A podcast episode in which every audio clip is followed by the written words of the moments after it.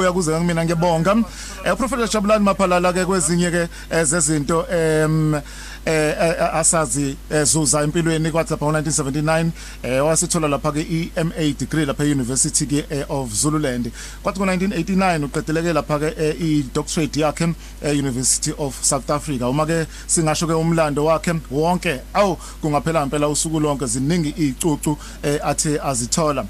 Kuleli thuba ke eh isikhathi sethu eh sihamba nje masikubingelele professor Sikomkelo Khosini FM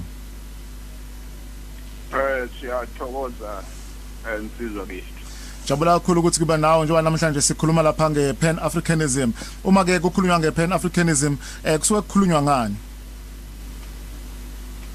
Eh kimi eh abashoyo nabayikala basho ukuthi ihlanganisa bonke abomdabu base-Afrika.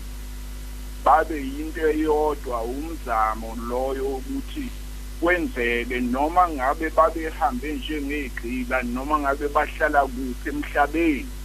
Kodwa bathi ke bangahlanganiswa yilento ngesizulu kuthiwa all african all african ngesi ngisi upen usho upol bese ke kuba ke yibo bonke labo umdabu ngaso singiso kuthiwa indigenous african.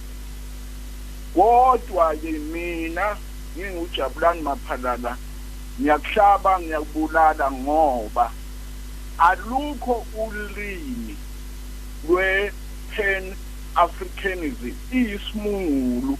Uma ufuna ukuba ingxenye yayo ufanele wazi isingisi njengoba uzazi wena. Alukho limi lwala eh eAfrika njengoba iAfrika njena eh iyizwekazi. Lesibili ngobukhulu manje ke isingisi kungenzeka kanjani lo ilimi zethu zishone iphi njengoba lapha nje eh amaZulu yiwona amaningi ukudlula bonke abantu kubhalwe kahle ku-state South Africa uhamba kwe eh kubuningi eh nobunikazi bezilimi.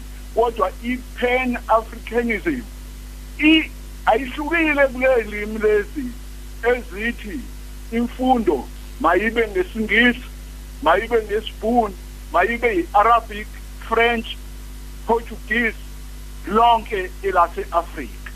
Ihluke ngani? Ayihluke ngalutho ngoba ayilokothi isondele ezilimini zethu zabomdabu okuyizona ke eh ezikhulunywa izigidigidi zabantu. Kunocwaningo olukhona nje la eMzansi eh olusobala ukuthi bangaki abakhuluma izilimi zabo. Nocwaningo futhi olwenziwa eh iPen South African Language Board olwathi isiZulu. Futhi baphinde bathi a a ifundazwe ezisikhombisa zathi zinezwa kalula la eMzansi uma ugcunywana nazo lesizulu. Mhlambe ke kungena ukungena ke lapho ngenxa yesikhathi ngifuna ukwazi ukuthi isimo seAfrika ngabe impela into esengalunga eh noma mhlambe sengathatha iminyaka ngempela ukuthi kubuyele esimene eh mhlambe ekade iyisona? Eh ubuza umbuzo omuhle unqamulela ngeke kusize umuntu. Ukusheba izimi zethu ngeke kusize umuntu. Ukubulala ukuthi akube isingisi ngeke kusize umuntu. Ukuthi kuthiwe i-English country nani ngeke kusize umuntu. Okosiza ukwenza ubulungiswa. Nongabe ngithatha iminyaka emingaki mina ngineminyaka engamashumi ayisikhombisa nantathu ngikhehla kodwa ngiyakwazi ukuthi angeke kulunge lutho futhi ngaba umuntu okuqala ukuthola isifiso sobudokotela la emzansi.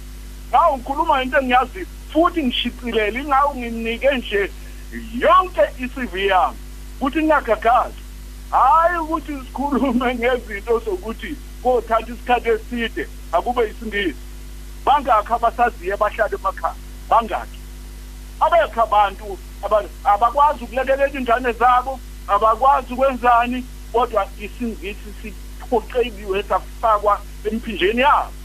Ngithi ke mina iPan Africanism ngeke ilunge la inganekwane isimungulu angeke ngoba ibulala izilimi zomdabu iPan Africanism into eclick. Isigejane sabantu abathi hayi akube yisingisi. Sizokwenza kanjani ke ukushiya izigidigidi zabantu bakithi? Njengoba nizama lapho ukhosini niyazama kakhulu noma ke kukhona sebasheba abathi hayi singasheba thina. Siyababona. Mina kade ngangikhuza yoba ngithi nje ngeminyaka engamashumi ayisikhombisa nantathu ngikhuza ukuthi nishebelani nikwishashalala kuyasho impela ukuthi usumkantshubovu eh solwazi ke uprofessor Jabulani Maphalala eh siyazi ngempela ukuthi mangabe sitholene sesithola inqolobano nolwazi olukhulu. Ngenxa ke ubukhixixixi kodwa sicela ukuthi sibambe la ingxoxo yethu. Eh kuyothi mase kubuyela kahle ke ngekhathi zakhona sekuhamba kahle awu o producer njoba nxusa ukuthi baphinde futhi baqhubeke eh usicobelele kulolu lwazi onalo siyabonga kakhulu ukuthi be nawo namhlanje professor.